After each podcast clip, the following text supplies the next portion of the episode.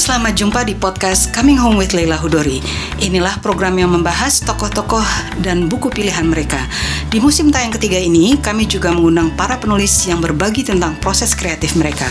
Program ini diselenggarakan oleh penerbit kepustakaan populer Gramedia, Gramedia Pustaka Utama, Kompas.com, dan saya sendiri Leila Hudori.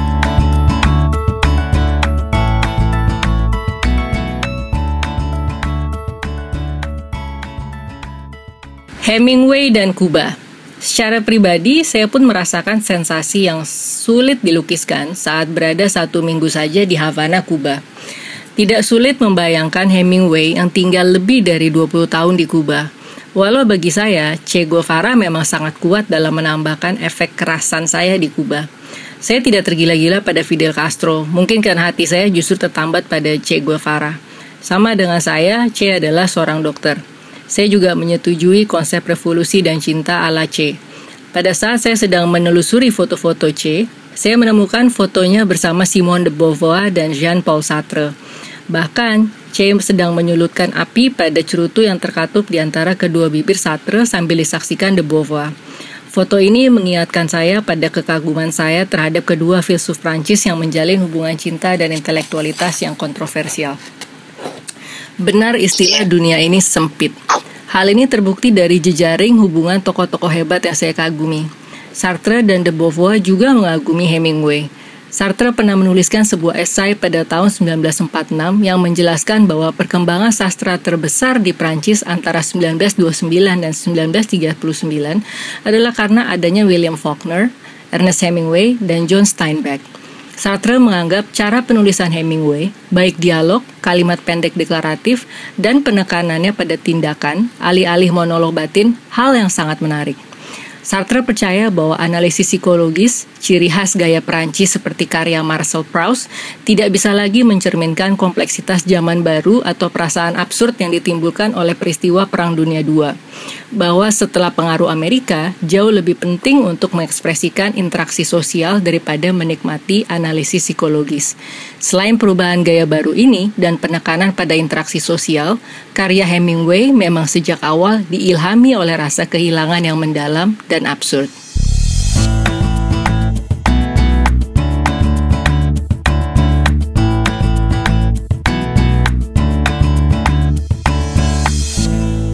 Halo, selamat bergabung kembali bersama podcast Coming Home with Leila Hudori. Kali ini kita akan mendiskusikan satu buku yang menarik sekali. Judulnya Jelajah Jiwa, Hapus Stigma, Otopsi Psikologis Bunuh Diri Dua Pelukis, karya Nova Rianti Yusuf.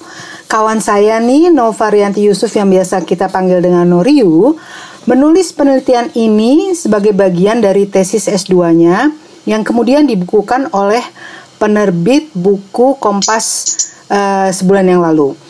Nah, ini buku yang sangat penting, bukan saja untuk memahami kesehatan mental, uh, tetapi juga bagaimana kita bisa menjadi bagian dari mereka yang ikut mencegah upaya pembunuhan diri seseorang. Selamat malam Noriu, apa kabar? Baik, selamat malam Mbak Lela. Oke, kalau gitu saya mau langsung aja. Ini uh, luar biasa ya saya membaca buku ini. Uh, terus terang karena saya sendiri pribadi uh, dulu ketika saya kuliah juga tertarik sama isu bunuh diri. Tetapi itu kalau saya memulainya tentu beda karena saya kan dulu political science ya belajarnya political science sama development studies. Nah di dalam yeah. di dalam development studies kita harus mengambil beberapa mata kuliah antropologi. Nah karena di antropologi itu kita harus belajar Durkheim, Emil Durkheim. Nah di situ saya mulai mulai bapak mempelajari iya yang yang yang buku dia yang suicide itu.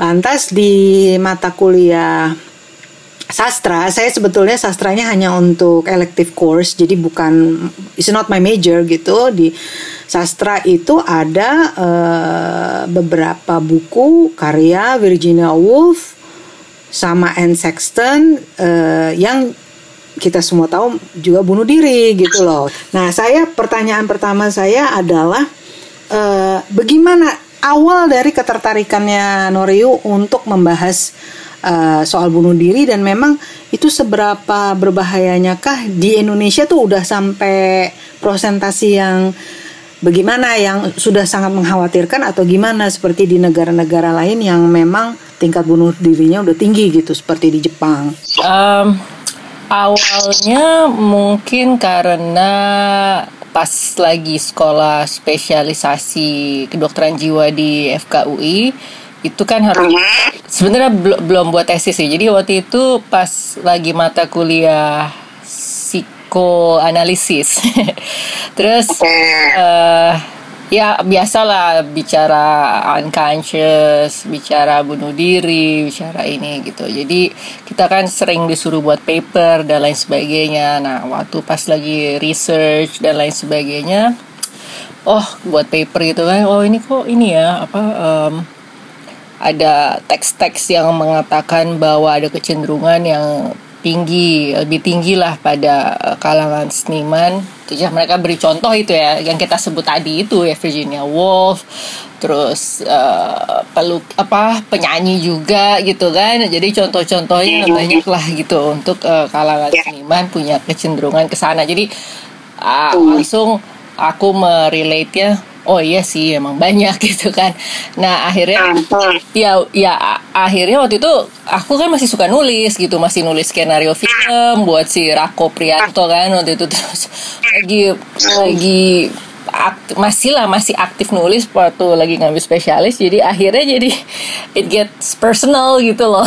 Kayak wah kok ternyata rentan ya gitu jadi um, akhirnya punya ke keminatan ke sana ya karena itu sesuatu yang personal uh, jadi okay. muncul minat gitu kan ya udah akhirnya hmm. aku putuskan ya udah deh aku coba meneliti cuma next challenge adalah how did I do it nah, ini ter, ini uh, berhubung dengan uh, berhubungan dengan data.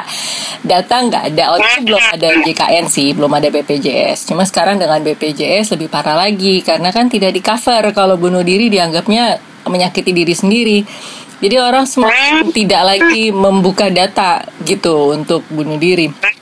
Jadi lebih deathnya penyebab kematiannya gitu loh, bukan uh, bahwa dia meninggal karena bunuh diri, bukan, tapi penyebab kematiannya gitu. Terus uh, yang kedua uh, dulu itu ya kita sampai sekarang sih sama sih. Belum ada data uh, National Suicide Registry belum ada pendataan nasional untuk kasus bunuh diri begitu. Karena di Indonesia mungkin kompleks ya. Ya secara um, budaya secara harga diri uh, untuk keluarga gitu ya. Kemudian juga stigma makanya judulnya kan hapus stigma. Iya, betul menjadi betul. sulit lah ya untuk bunuh diri ini bisa dibuka ke publik sebagai sebuah kasus di keluarga gitu. Jadi bisa memahami gitu. Akhirnya buat penelitian bunuh diri akhirnya oke okay, nggak um, sengaja ketemu Mas Taufik Razen terus dia nunjukin lukisan. Nah itu lukisan salah satu uh, eh, AS yang di dalam buku ini yang akhirnya kemudian menjadi subjek penelitian. Terus dia bilang oh, ini lukisannya uh, eh, AS wah saya bilang bagus banget ya gitu kan. Terus uh, kaget karena aku nggak terlalu memperhatikan pelukis-pelukis dan karyanya di Indonesia karena pasti yeah. keren ya ini unik ya sesuatu yang uh, ya belum pernah lihat aja gitu mungkin atau karena yeah. memperhatikan dan akhirnya waktu melihat kok karyanya bagus banget gitu terus yeah. menyayangkan lah bahwa dia bunuh diri pada usia uh, 30-an gitu uh, tiba-tiba katanya ada satu lagi uh, setelah nanya-nanya gitu oh, oh ada lagi ya gitu yang bunuh diri. Ada sama juga metode bunuh dirinya gitu. Tapi beda uh, suku beda culture. Saya bilang oh iya saya mencari variasi juga kan. Itu seniman-seniman uh, internasional yang kita tahu bunuh diri kayak Ernest Hemingway uh, seperti yeah. juga uh, apa namanya banyak lah ya tadi Virginia Woolf, uh, terus Anne Sexton, kemudian Sylvia Plath ya kan, yeah. uh, yeah. terus belum pelukis-pelukis juga kan. Nah, uh, tapi yeah. saya itu kan uh, saya lagi bertanya-tanya aja nih, bukannya saya punya angkanya ya, saya nggak punya data angkanya, mungkin uh, uh, Norio punya gitu. eh, profesi lain kan juga sebenarnya banyak ya yang bunuh diri juga kayak pialang, pialang, pialang dia saham itu tuh kalau banyak juga yang kita dengar yang bunuh diri gitu loh. Terutama biasanya kalau ada dealnya yang kalah gitu, terus bunuh diri gitu. Terutama ketika di tahun 80-an sama 90-an itu. Terus juga di Jepang itu anak-anak SMA dan eh, waktu itu apa yang disinyalir karena tekanan educationnya tuh luar biasa berat di Jepang gitu. Nah itu saya lagi wondering aja bahwa apakah ini memang jauh lebih banyak di kalangan seniman atau sebetulnya di profesi lain juga ada juga yang rentan gitu loh. Iya, kalau kerentanan sih sebenarnya yang nomor satu itu makanya buku ini sebenarnya jadi dua seri nih. Yang seri kedua itu yang dari disertasi remaja. Jadi karena uh, angka dari WHO estimate 2017 nomor satu yang angka kematian karena bunuh dirinya itu adalah paling tinggi pada usia 20 tahun. Berarti kalau mau melakukan pencegahan bunuh diri atau suicide prevention itu kan berarti harus usia-usia remaja gitu, SMP, SMA gitu. Jadi sebenarnya yang paling rentan itu tadinya lansia itu kelompok yang uh, sama lah remaja sama lansia itu kalau di Jepang mereka membuat undang-undang yang akhirnya juga melahirkan budgeting yang tinggi gitu untuk penanganan pencegahan bunuh diri. Tapi ternyata lansia tuh mereka lebih bisa intervensi daripada remaja gitu. Jadi akhirnya saya bisa mengerti kenapa juga WHO estimate-nya ya sesuai gitu dengan uh, pengalaman Jepang gitu bahwa emang mereka sulit sekali untuk mengintervensi remaja dibandingkan lansia yang punya kecenderungan bunuh diri. Nah, Terus kalau profesi memang macam-macam bisa, tapi uh, kelompok umur kan kalau yang dikelompokkan oleh WHO dan pengelompokannya biasanya juga berdasarkan stresor psikososialnya. Jadi uh, stresor-stresor apa gitu yang melingkupi kehidupan seseorang sehingga mempunyai kecenderungan bunuh dirinya lebih tinggi gitu akhirnya uh, dalam buku ini kan selain aspek biologi, psikologi, sosial yang dicari juga stresor psikososialnya. Dan ternyata banyak yeah. pelukis itu uh, ya karena aku juga ngalamin kalau beli karya mereka tuh kasihan gitu, kayak nggak kayak nggak dihitung apa ya. Uh, energi proses kreatifnya itu masih bisa mereka lukisan yang indah itu masih bisa nawar menawarnya tuh iya deh yang penting bisa nutup kontrak gitu kan masih kayak gitu itu untuk yang Terus, yang pemula ya uh, untuk yang pemula kalau iya. misalnya yang udah namanya terkenal kan gila-gilaan mereka ininya uh, harganya ya, tuh sampai iya. Digoreng-goreng nah, gitu tapi nggak banyak ya problemnya ya. itu hanya ya lebih sedikit jumlahnya daripada yang struggling ya. Gitu kan Nah, terus ya, ya. ya akhirnya um, yang kasus-kasus um, waktu saya wawancarain di sana, nah itu yang muncul adalah kalau lagi wawancara nih misalnya di balkon gitu kan, teret gitu sama teman pelukis dari ya, subjek penelitian ini, itu bisa dia ngomong nih ya kalau lagi begini saya pengen terjun gitu terus saya bilang waduh wawancara di dalam aja deh saya bilang gitu Terus um, ada salah satu adiknya subjek juga tiba-tiba punya halusinasi auditorik juga, ada bisikan-bisikan, jadi ada gejala psikotik juga. Jadi uh, aku agak bingung juga sih uh, kok banyak banget yang diwawancarai ini kecuali pacarnya misalnya. Kalau pacarnya kan bukan pelukis ya gitu. Nah itu ya, biasa aja gitu. Jarang banget mengutarakan keinginan gitu. Bahwa uh, saya pengen uh, loncat saya pengen ini gitu. Jadi sempat merasa nggak nyaman juga waktu lagi proses penelitian karena bingung kan jadi bawaannya pengen intervensi tapi kan nggak boleh ya secara etika kan saya nggak boleh uh, campur itu cuma jadi bingung gitu sampai aduh ini gimana ya kok yang ini mau loncat yang ini uh, bilang iya saya juga sering pengen uh, bunuh diri apa itu jadi sesuatu yang lazim gitu yang akhirnya aku menjadi lazim mendengar itu waktu uh, mewawancarai banyak pelukis teman-teman subjek penelitian. Hmm, gitu. Nah, uh, ini sekarang kembali ke ada dua nama yang menjadi showcase dari uh, bukunya Norio ya, yang AS dan FA ya. Nah, uh, yang ingin saya tanya pertama sebelum kita masuk ke dalam uh, pembicaraan kedua uh, showcase ini, uh, kenapa nama mereka dibikin inisial? Uh, padahal sebetulnya untuk para apa ya penikmat seni lukis di Indonesia mereka udah cukup tahu uh, ini siapa gitu, yeah. ya kan? Karena yeah. ini uh, sebenarnya pelukis-pelukis yang cukup yang lagi up and coming lah waktu itu, belum terkenal iya. banget, yeah. memang belum belum besar, ya bukan bukan bukan udah tingkatan tingkatannya Avandi apa apa enggak belum karena mereka masih muda, yeah. tapi mereka muda yang up and coming karena udah udah mendapat penghargaan-penghargaan gitu. Nah jadi Uh, kenapa merasa perlu tolong jelasin uh, dari etika uh, psikiatrinya kenapa merasa perlu uh, membuat singkatan atau inisial nama mereka instead of uh, just writing the names gitu? Apakah mirip dengan etika jurnalistik atau gimana?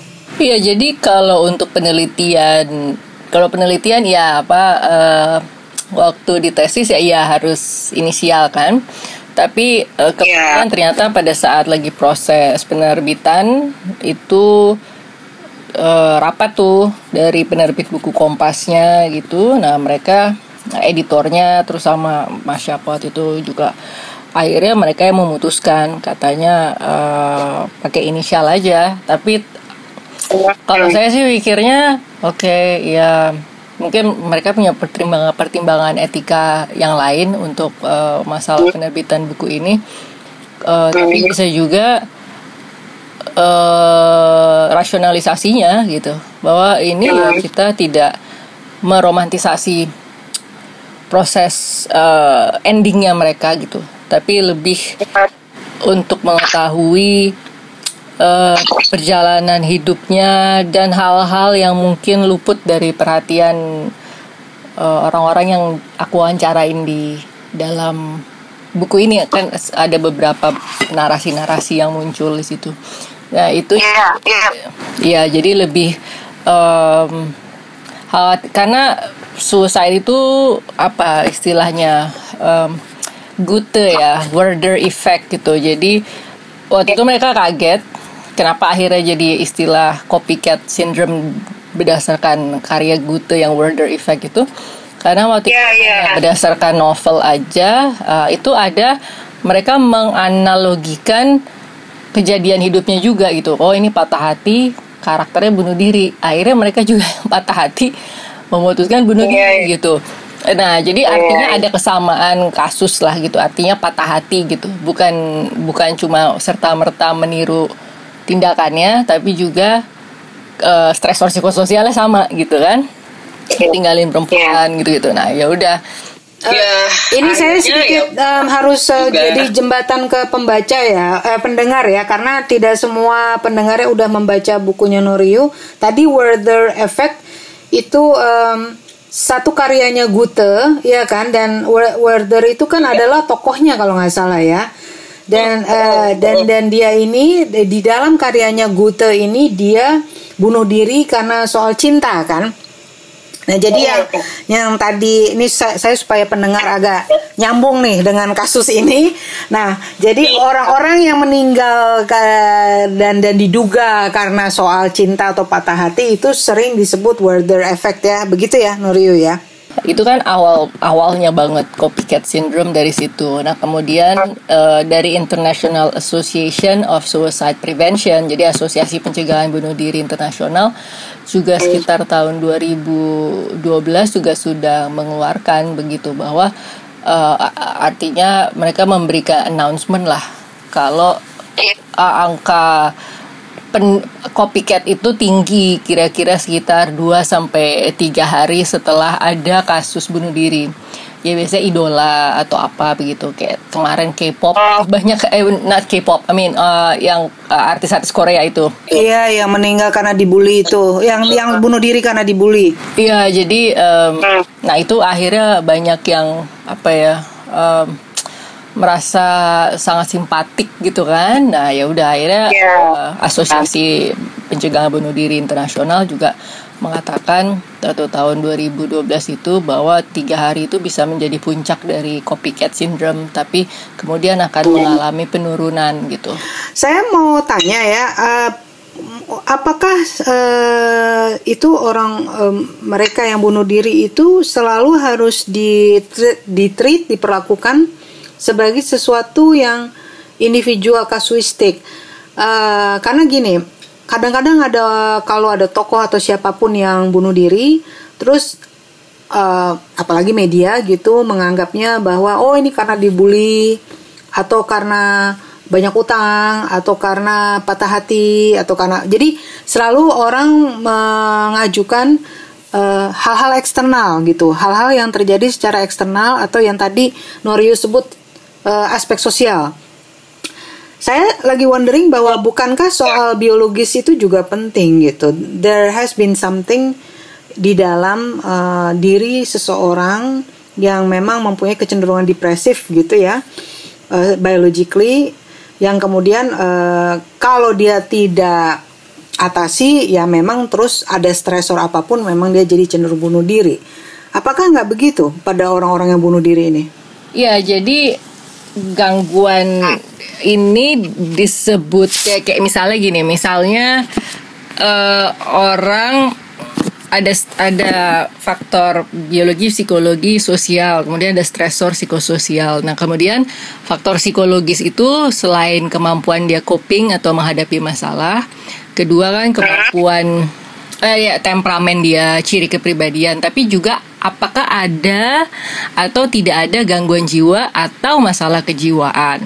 Nah, ternyata ada beberapa penelitian mengenai hal yang sama, eh, tapi itu bukan di Indonesia, di luar negeri, itu ingin menguji apakah eh, orang-orang yang meninggal bunuh diri itu karena gangguan jiwa. Dan ternyata memang angkanya range-nya antara 70% sampai 90% setelah diteliti setelah orang yang meninggal memang gangguan jiwa yang paling menonjol itu adalah gangguan depresi. Oke. gitu. Jadi emang gangguan depresi eh, sering ditemukan pada kasus-kasus bunuh diri yang yang, yang udah sampai eh, meninggal bahkan juga yang belum meninggal gitu. Jadi artinya ada motivasi internal itu tadi nah Iya. kemudian baru nah itu makanya jadi kayak apa tuh ya di wajan itu ada campuran macem-macem gitu. Ada biologi psikologi ada sosial ada stresor gitu kan.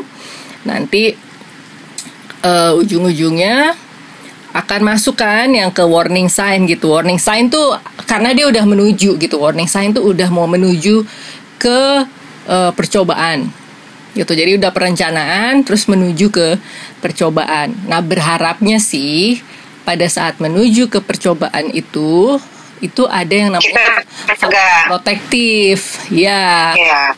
faktor protektif. Kebetulan di kasus AS dan FA kedua subjek penelitian ini faktor protektifnya tidak ada yang eh, mampu mencegah itu. Gitu. Jadi Apakah memang mereka dua-duanya udah ada warning signs? ya, tapi ya nggak ngerti ya kayak misalnya AS itu sebenarnya udah jadi sebenarnya ada hal-hal yang baru kita sadarin setelah kita baca teksnya lagi oh itu sebenarnya dia sudah menunjukkan ini gitu ya Oh, atau dari karyanya gitu ya kali ya? Mm, jadi ya, dia kan kejadiannya di rumah orang tua Iya. jadi justru dia ada proses menarik diri dari studio lukis dia nah dia pulang Hmm. dan kejadiannya di situ. Jadi ada hal-hal yang sebenarnya itu janggal, tapi mungkin karena literasi kesehatan jiwa dan juga gangguan jiwa nggak begitu tinggi. eh, dulu ya mungkin awareness belum seperti sekarang tentang masalah kesehatan jiwa ya mungkin orang tua juga nggak ngerti gitu bahwa itu clue itu petunjuk bahwa itu adalah sebuah indikasi gangguan jiwa gitu kan. Nah ya, ya Iya. udah akhirnya eh, itu tidak eh, luput gitu. Jadi itu uh, luput dari perhatian akhirnya tidak ada faktor protektif. Padahal dia waktu mau menjelang percobaan itu pada di rumah nggak sendiri gitu loh di studio lukis. Iya. Iya. Tuh, sama kayak yang kasus satunya itu mencari uh, tali gitu ke warung gitu kan terus dia balik lagi Iya. cari tali yang lebih panjang ya kan nggak ngerti orang warungnya nggak mungkin dia Iya. Iya. faktor protektifnya gitu ya Nah, apakah di Indonesia sekarang nih udah tahun 2020 sudah ada sistem semacam kayak suicide watch atau uh, uh, apa atau suicide prevention itu udah ada uh, secara terstruktur atau ini sesuatu yang kita cuma temukan di negara-negara maju di negara barat? Eh, kita tuh sebenarnya ada upaya-upaya tapi belum sampai. Jadi gini, dari itu aku di DPR itu pernah kita buat suicide hotline. Jadi hotline dukungan psikososial. Itu eh, yang menjalankan Rumah Sakit Jiwa Suwarto Herjan atau Grogol. Nah, itu eh, diawasi oleh Kementerian Kesehatan.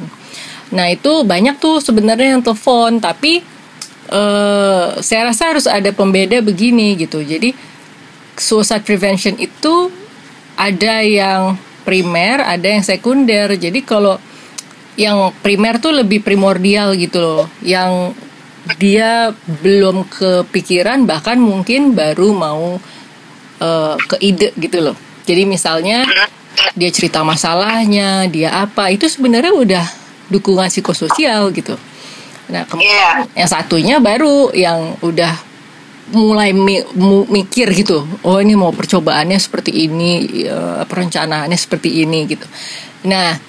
Harusnya dua-duanya dirangkul gitu. Nah, ini sepertinya eh, ada pihak dari Kementerian Kesehatan waktu itu yang menganggap bahwa ah yang nelfon nggak bicara bunuh diri. Nah, itu ya berarti ada perbedaan persepsi gitu loh bahwa pe- eh, pencegahan bunuh diri itu ya bisa yang primordial, bisa juga yang udah ke tahap yang lebih lanjut gitu. Nah, itu eh, akhirnya hotline-nya tidak aktif lagi.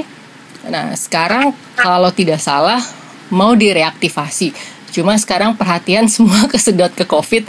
Tadinya tuh aku buat ini juga apa eh, laporan report eh, report untuk strategi pencegahan bunuh diri remaja sesuai dengan kerangka WHO gitu Hmm. itu ya mungkin karena terus sekarang tersedot ke covid ya tapi aku lagi ngembangin ini sih em, ya semacam aplikasi gitu jadi ya itu bisa merangkul suicide preventionnya yang lebih ke primer gitu jadi nggak yang udah jauh ke depan udah sampai perencanaan tapi ya itu dukungan psikososial yang lebih dini Hmm. Apakah Noryu eh, bisa secara terbuka mereka menjawab pertanyaan-pertanyaan untuk eh, tesis ini apa gimana?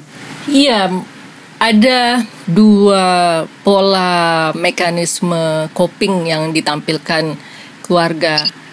Yang satu tuh lebih ke problem fokus kalau menurut aku. Eh, Oke. Dia membuat kayak yayasan, terus Oh, ya oke. pos inilah apa em, yayasan ini be- sekarang aku belum follow up lagi gitu tapi editorku udah sempat cek ke sana like cek lah untuk eh, berkomunikasi gitu. Karena aku bilang silakan aja kalau mau eh, ngecek lagi. Nah yang satunya memang eh, berbeda. Yang satu masih lebih emotion focus. Jadi penerimaannya terhadap masalah ini waktu itu yang mungkin sekarang udah berubah itu memang penerimaannya lebih ke emosional begitu. Jadi em, tapi mau mau terbuka kok waktu itu satu aku ketemu di Magelang eh, keluarga yang satunya aku ketemu di Jakarta terus Oke. eh, ada juga yang aku ketemu di di Jogja gitu ada yang di Jogja ada yang di Magelang ada yang di Jakarta gitu jadi ya Hmm. itu menarik sih semuanya prosesnya Hmm. Ini eh, saya perhatikan kasus kedua pelukis ya yang AS dan FA nih eh, saya catat nih dari bukunya Noryu nih ada persamaan bahwa mereka lahir di era yang sama ya mirip-mirip lah ininya usianya ya Iya. Eh, ke- itu satu Kemudian kebetulan pula mereka pelukis aliran kontemporer, ya. Lalu eh, berikutnya yang saya perhatikan yang yang saya eh, agak surprise ya, bahwa dua-duanya ini one way or the other eh, ter- menyentuh di saat-saat terakhir ya sebelum mereka suicide itu menyentuh orang yang percaya sama mistik ya jadi Iya, dua-duanya iya. dan kebetulan Iya. dua-duanya eh, baik AS maupun FA dua-duanya eh, apa bersentuhan dengan orang yang percaya mistik. Jadi kayak nempel sama nih orang ya kan? Lalu persamaan yang lain lagi soal perubahan mood eh, dan suasana hati di saat-saat sebelum mereka eh, akhirnya suicide. Padahal ini mereka kan sam- bukan artinya bukan keluarga bukan apa kan yang satu suicide-nya tahun berapa iya kan? Tapi ada persamaan itu bahwa eh, ada soal mistik dan kemudian juga ada suasana hati yang tiba-tiba membuat mereka menurut keluarga dan kawan-kawannya berubah iya kan? Mereka jadi pendiam ah, cepat tersinggung dan seterusnya.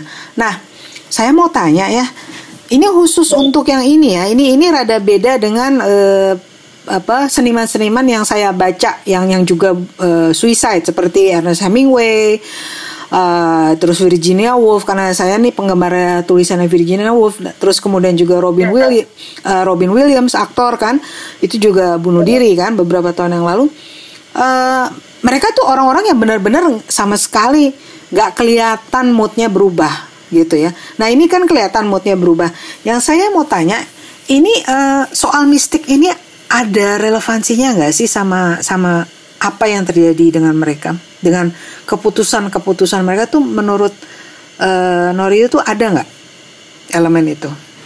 Iya, jadi yang tersulit dari penelitian ini adalah begitu banyak data, tetapi aku nggak berani untuk membuat sebuah kesimpulan. Kesimpulan, ya. Iya, karena tidak bisa mengkonfirmasi kecuali ini dia percobaan terus masih ada terus bisa dia terbuka menceritakan. Jadi ini ya akhirnya hanya bisa melakukan triangulasi dengan misalnya mencari lukisannya gitu. Itu salah satu metode gitu waktu itu untuk triangulasi data.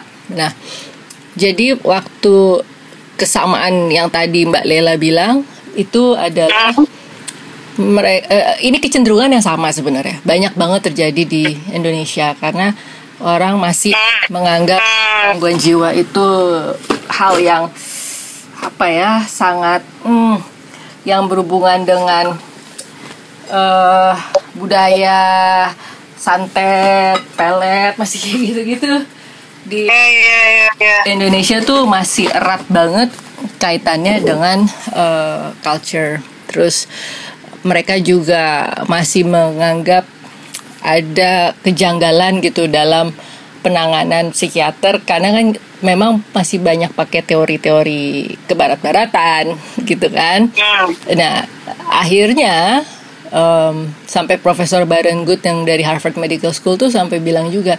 Tapi saya lihat juga sih praktek-praktek yang bagus eh, untuk pendekatan spiritual begitu. Nah, Hmm. kebetulan yang dekat sama mereka ini kan terkonfirmasi ya dari semua wawancara-wawancara. Kebetulan eh, bukan yang bagus gitu kan? Apalagi yang kasus FA yang ibunya sampai gemes banget. Yang merasa yakin bahwa ini sebenarnya anak gue nih diporotin nih ini sebenarnya ini sampai ibunya mau ngesu, mau nuntut mau sebagainya gitu. Bahwa ya artinya dia cuma jual-jual ilmu aja gitu kan tapi sebenarnya tujuannya lain Iya. gitu. Jadi nah itu sebenarnya em, spiritual itu yang harusnya bisa melengkapi eh, penanganan psikologisnya dia itu malah menjadi modus gitu. Dan itu yang memberatkan dia. Berarti kan pertama pasti dia dilarang misalnya. Mungkin udah ada gejala-gejala dilarang berobat.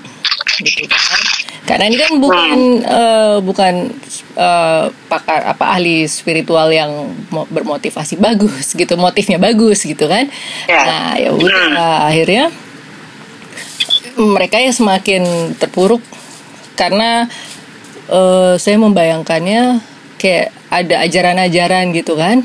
Nah ajaran-ajaran ini pasti aneh-aneh nih yang diajarin ya. Jadi sayang ini eh, dua pelukis yang sedang mengalami gangguan karena kan kalau dari gambarannya kan sepertinya ada gejala. Tidak bisa kita pastikan tapi kan ada gejala-gejala gitu. Kayak misalnya yang satu uh, kalau ditanya ke teman-temannya kayak apa sih kalau dia lagi uh, moodnya suka naik turun atau enggak gitu. Misalnya kan kita tanya pasti kan temannya ada yang jawab oh iya itu kalau melukis tuh atraktif banget gitu kan kalau malam tuh bisa pakai sepatu, pakai baju rapi, pada mau ngelukis gitu. Terus bisa semalam suntuk, energinya nggak habis-habis gitu kan. Nah kita kan pasti kalau psikiater uh, ini kemungkinan ada resiko dia manik gitu kan.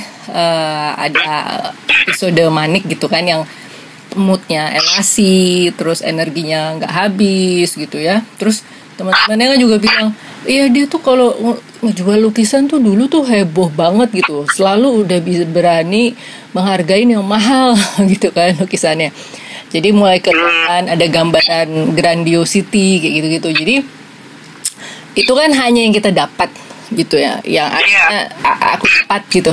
Nah itu harus dikonfirmasi lagi dengan wawancara uh, kurator kemudian kirim ke psikiater uh, yang ahli terapi lukis eh, yang ada di Melbourne University waktu itu.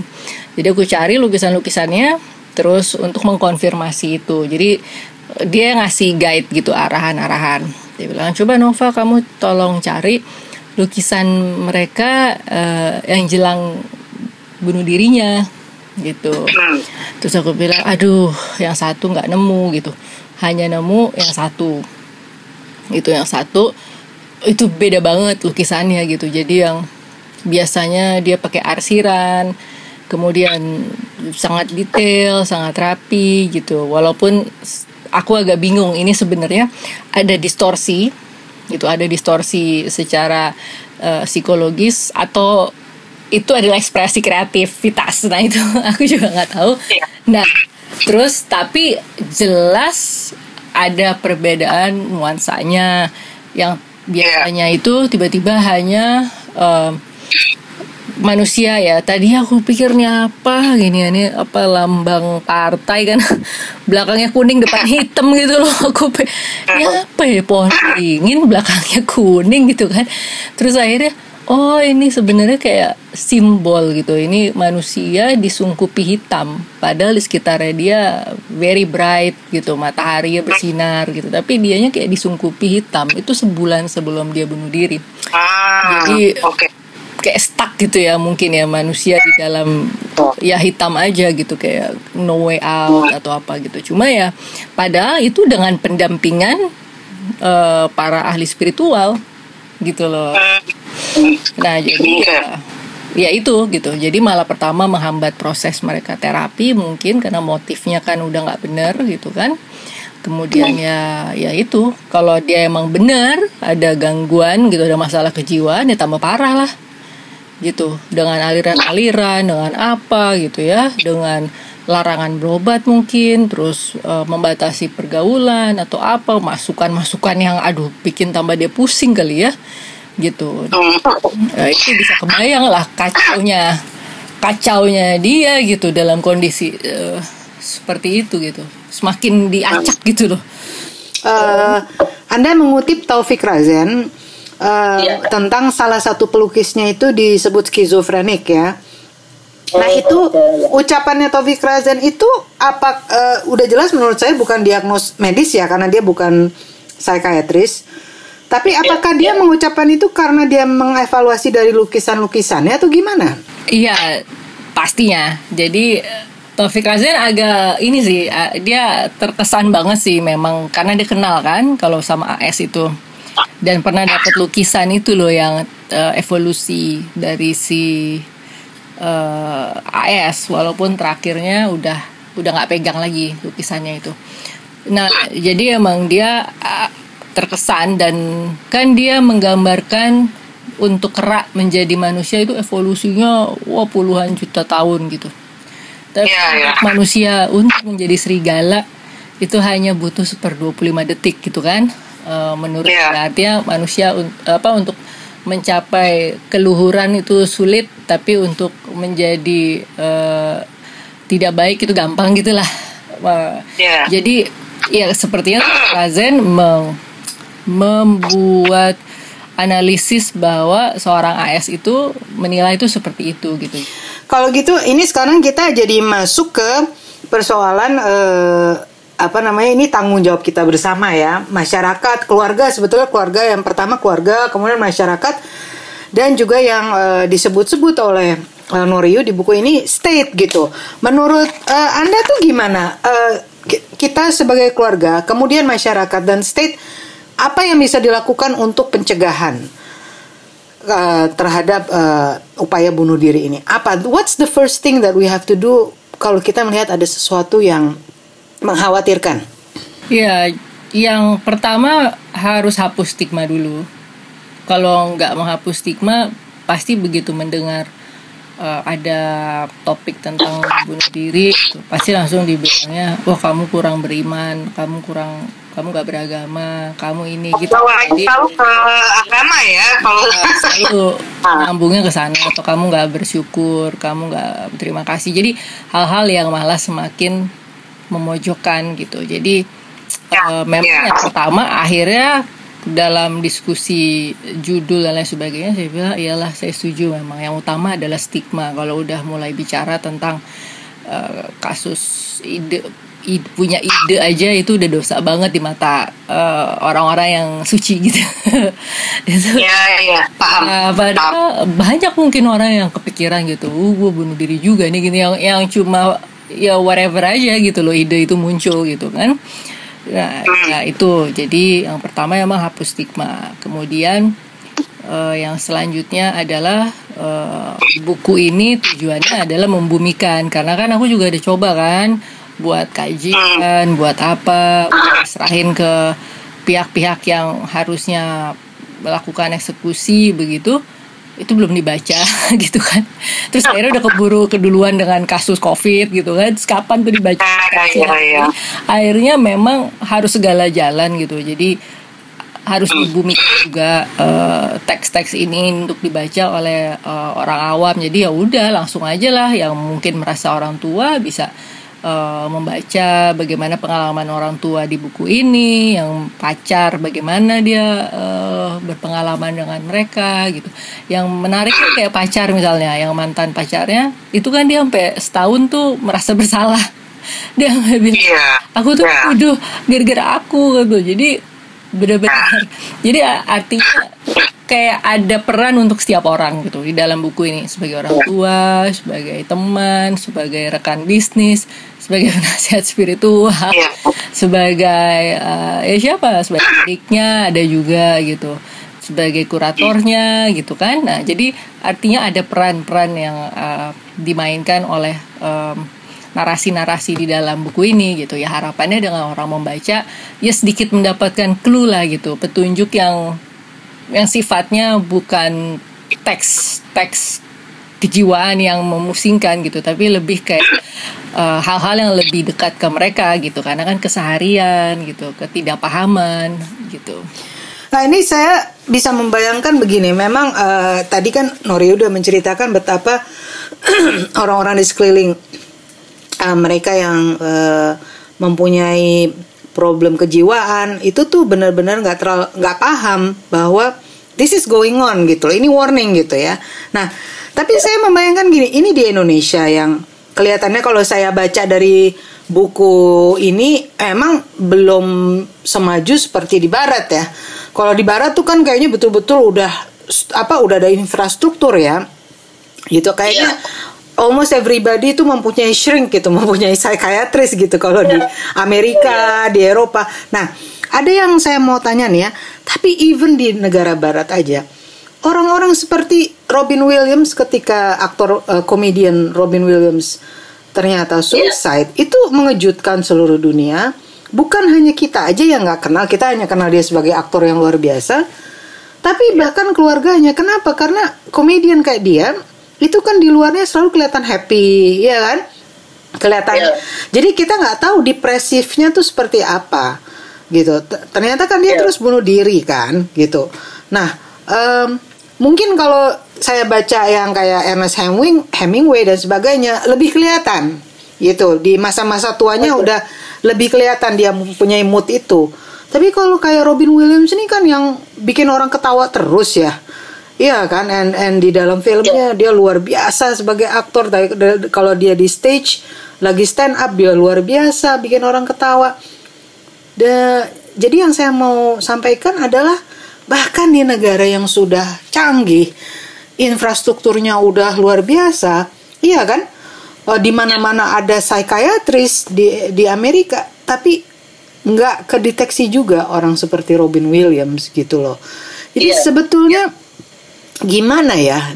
Bahkan orang terdekat pun juga kadang-kadang nggak begitu realize bahwa ada gejolak yang luar biasa di dalam diri seseorang. Itu gimana cara pencegahannya kan? Iya, makanya aku ngasih judulnya jelajah jiwa.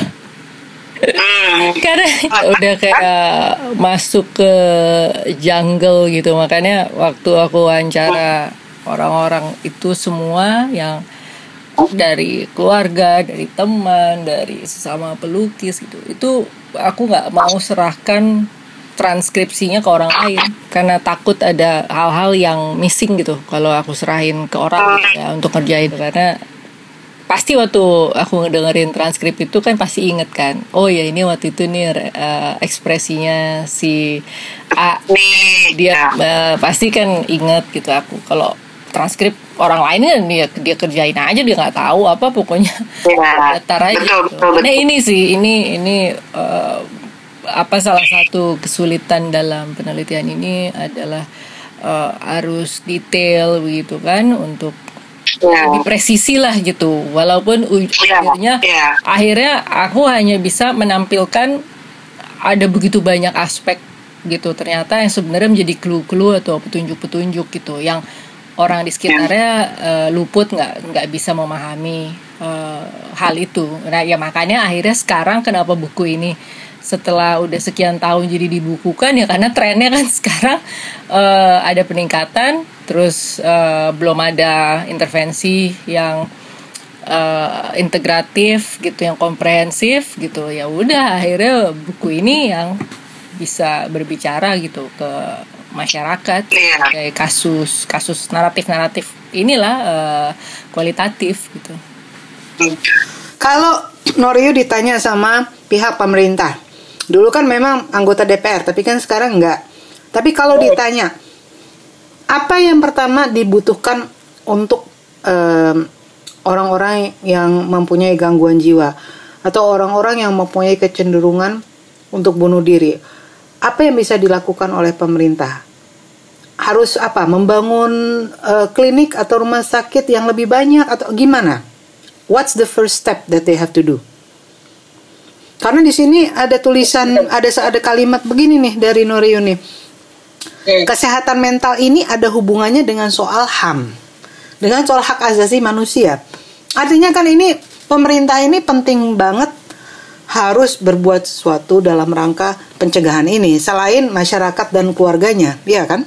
Iya waktu itu sebenarnya mereka kan eh, udah buat ya waktu itu dengan didesak. Cuma kan akhirnya kemarin itu aku udah buat tahun 2019 strategi pencegahan. Ya macam-macam lah di dalamnya karena untuk remaja kan eh, memang Iya. ada kelompok-kelompok khusus gitu untuk penanganan ini. Iya. Untuk remaja kan akhirnya jadi disertasi gitu. Akhirnya di situ kan didapatkan sebenarnya udah banyak program yang udah dibuat lintas kementerian jadi lintas sektor gitu dan juga lintas program lah kok semuanya connect gitu? Jadi aku bilang, ya ampun ini program ini sebenarnya udah ada ya tapi ini di mana ya? Gitu. Ini kenapa nggak di nggak dibuat sistem eh, virtual aja? Gitu. Terus ini kenapa nggak- ya gitu loh. Jadi akhirnya dari FGD FGD tuh jadi tahu gitu. Oh ya ini ada program sebenarnya dari kementerian ini. Terus oh iya ya harus ini cuma kementerian ini nggak akan mau kasih izin. Nah kementerian ini harus mengajukan jadi kayak gitulah akhirnya menemukan birokrasi-birokrasi yang eh, menghambat program-program itu gitu. Terus jadi sebenarnya ada cuma belum belum komprehensif aja dan belum integratif. Ini yang eh, untuk yang remaja. Karena remaja ini yang akhirnya menjadi kelompok yang paling rentan menurut eh, WHO itu tadi gitu. Nah ya udah Hmm. ya aku udah buat tra- kerangka strateginya tapi ya belum di follow up nah kemarin sebelum covid ini bulan-bulan Februari aku dipanggil lagi terus disuruh eh, buat uh, aplikasi gitu jadi aplikasi nah, aplikasi ini sebenarnya em, ya ini kalau aplikasi kalau menurutku lebih kuat ke eh, pencegahan yang sifatnya lebih primer. Jadi untuk eh, mencegah ide karena kan aku udah buat instrumennya tuh untuk remaja untuk mengetahui dimensi-dimensi eh, bisa muncul ide bunuh diri. Kalau remaja kan ada belongingness, ingin menjadi bagian dari sesuatu, lo, apa, Ah, Nah, ya. kesepian, terus hopelessness, rasa tidak ada harapan, terus Ya. em, apalagi aku sampai lupa hopelessness, belongingness, loneliness, sama apa? Peer pressure bukan? Bukan, jadi ada empat yang malah itu bukan depresi. Jadi eh, instrumen ini dengan keempat dimensi itu malah lebih kuat memprediksi ide bunuh diri daripada eh, kita bisa mendeteksi bunuh diri eh, depresinya gitu loh. Nah makanya eh, ini eh, temuan dari disertasiku. Nah ini itulah akhirnya yang mau dibuat menjadi bagian dari aplikasi untuk pencegahan bunuh diri itu tadi. Tapi ya s- nah aku harapannya itu bisa lebih canggih lah, bisa connect lagi dengan revitalisasi hotline service-nya yang lalu dan itu harus terhubung dengan 911 misalnya. Jadi jangan sampai 911 versi Indonesia gitu. Kita kan ada 119 tuh. Ya. Cuma Iya. eh, soalnya beberapa kali ya kita kecolongan kan kayak eh, beberapa kasus yang orang mengancam mengancam bunuh diri di sosial media dan itu bisa berlangsung berjam-jam sampai peristiwa itu terjadi beneran dan dia meninggal. Dan kita nggak nggak bisa melakukan intervensi sama sekali gitu loh. So, sampai gila ya ini di medsos terus menerus mungkin location-nya juga bisa ditemukan lewat FB waktu itu kan gitu. Dan, Iya. dan ini nggak bisa nggak ada yang bisa buat apa-apa pada berjam-jam gitu loh. Sampai ya ampun. Itu kan harusnya kalau ada ya ya itu tadi armadanya tadi harus ada. Gitu. Jadi pencegahan tuh nggak cuma di primer aja tapi juga kalau udah menuju ke percobaan ya berarti harus udah eh, bersama-sama dia diatur eh, ada armadanya gitu. Kayak 911 untuk pencegahan bunuh diri. Ya.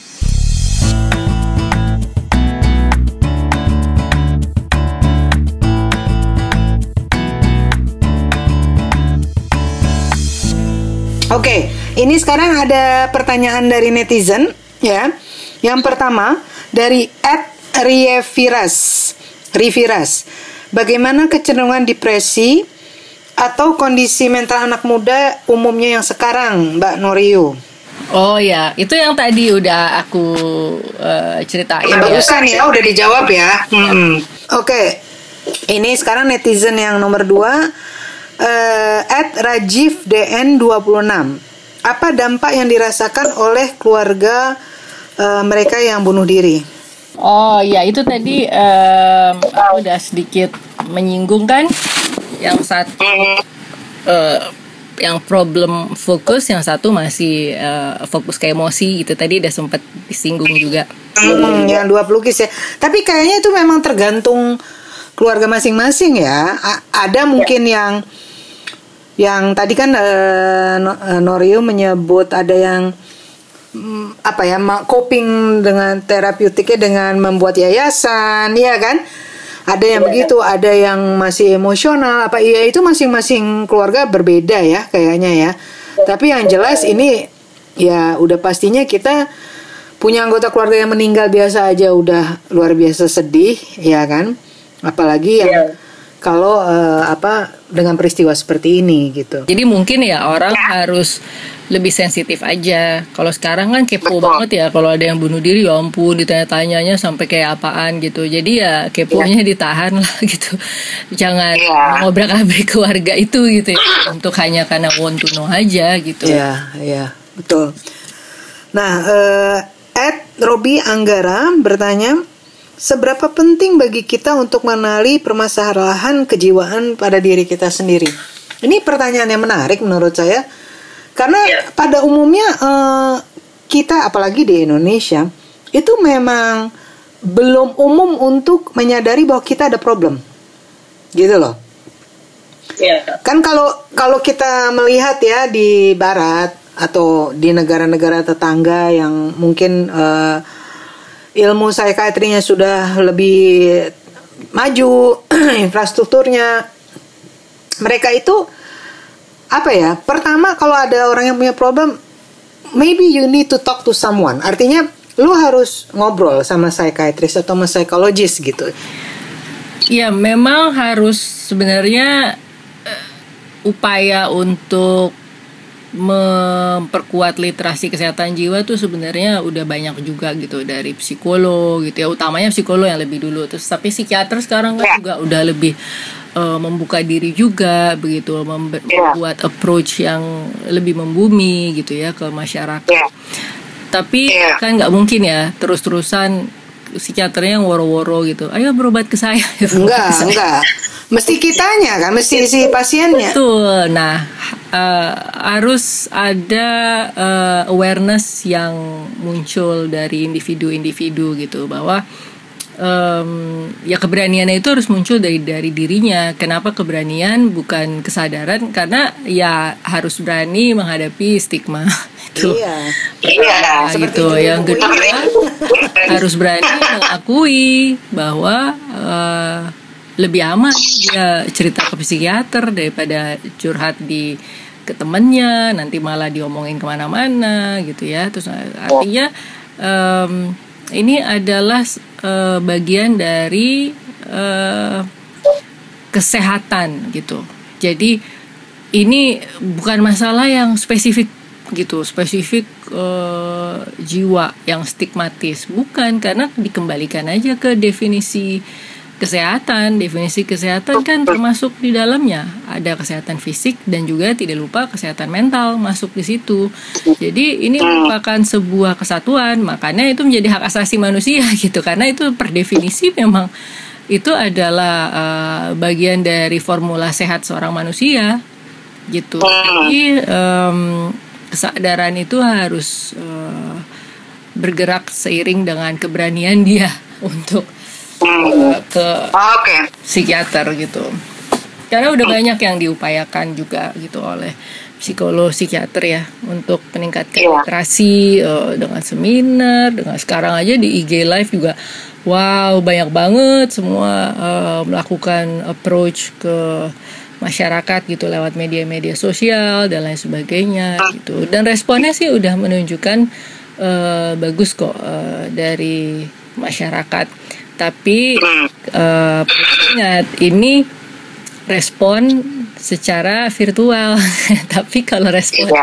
secara langsung nanti dulu belum tentu juga gitu. Nah maksud saya eh, ini itulah kenapa kita juga eh, saya juga setuju untuk pencegahan bunuh diri ya membuat aplikasi misalnya. Ya udah kita bridging aja dulu nggak masalah gitu. Nanti kalau dia udah mulai cerita ke ke- lewat aplikasi atau kemarin aku buka email juga atau yang covid ini.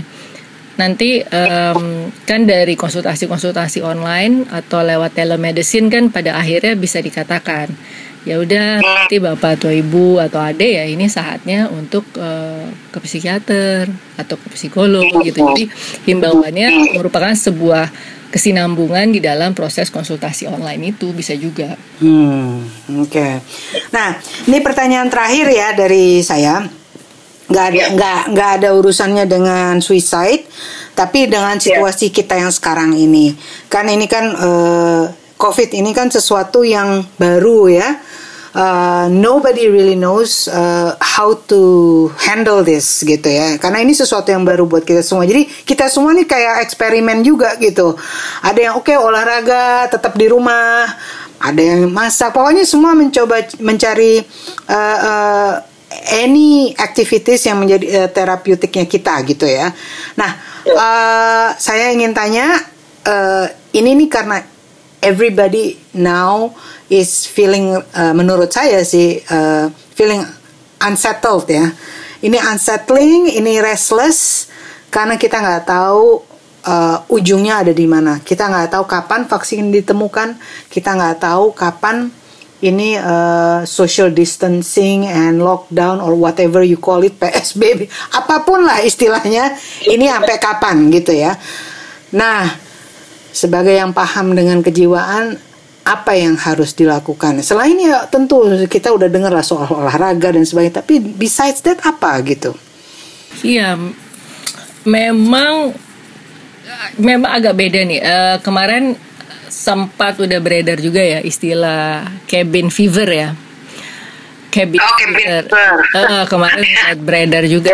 Uh, tapi sebenarnya cabin fever itu um, kalau kalau aku tuh kemarin melihatnya begini waktu pada saat dibuat keputusan uh, social distancing. Istilahnya belum ah. physical distancing sama social distancing. Itu aku langsung uh, membuat uh, himbauan-himbauan lah dalam bentuk e-flyer gitu di medsos.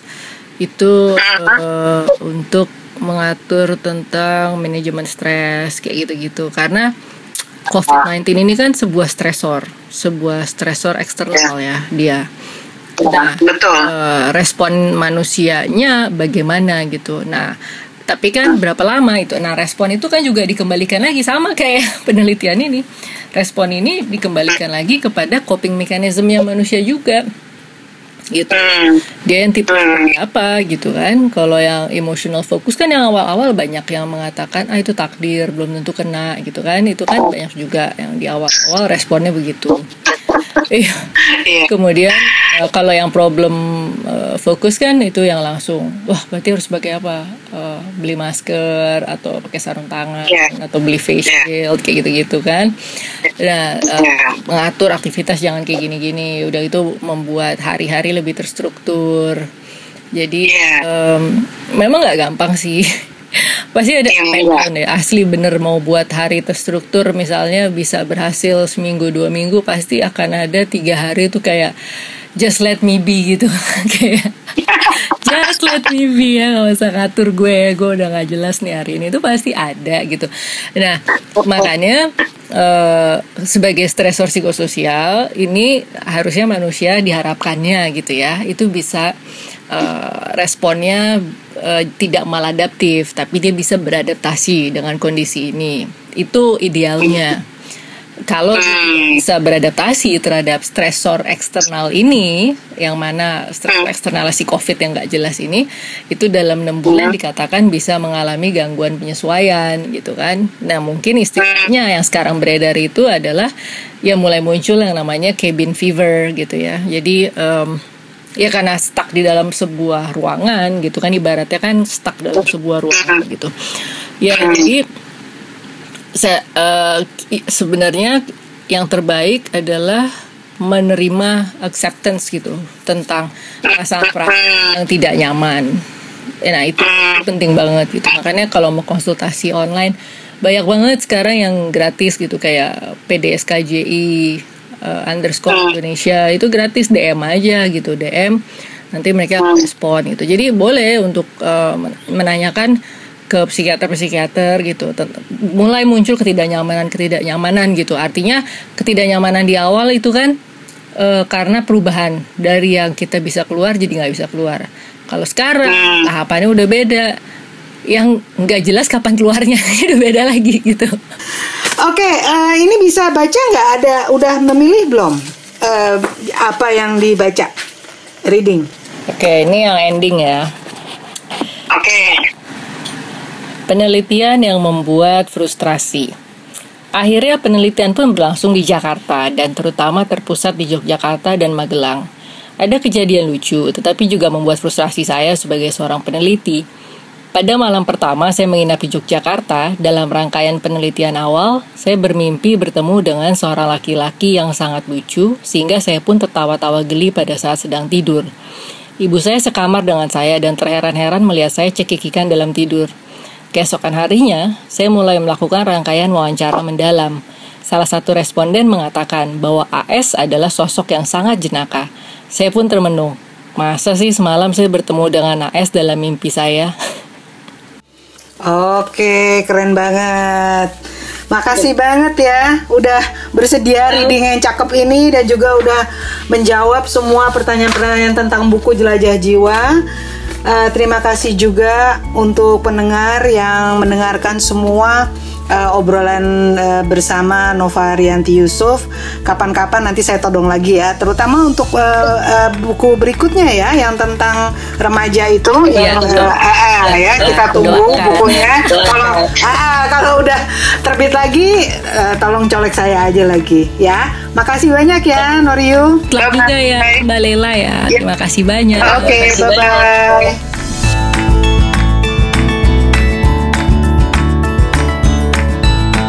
Terima kasih sudah mampir mendengarkan diskusi podcast kami. Jangan lupa tekan subscribe atau follow di mana pun kamu mendengarkan acara ini. Program ini juga didukung oleh Femina Media dan Soundhead Studio.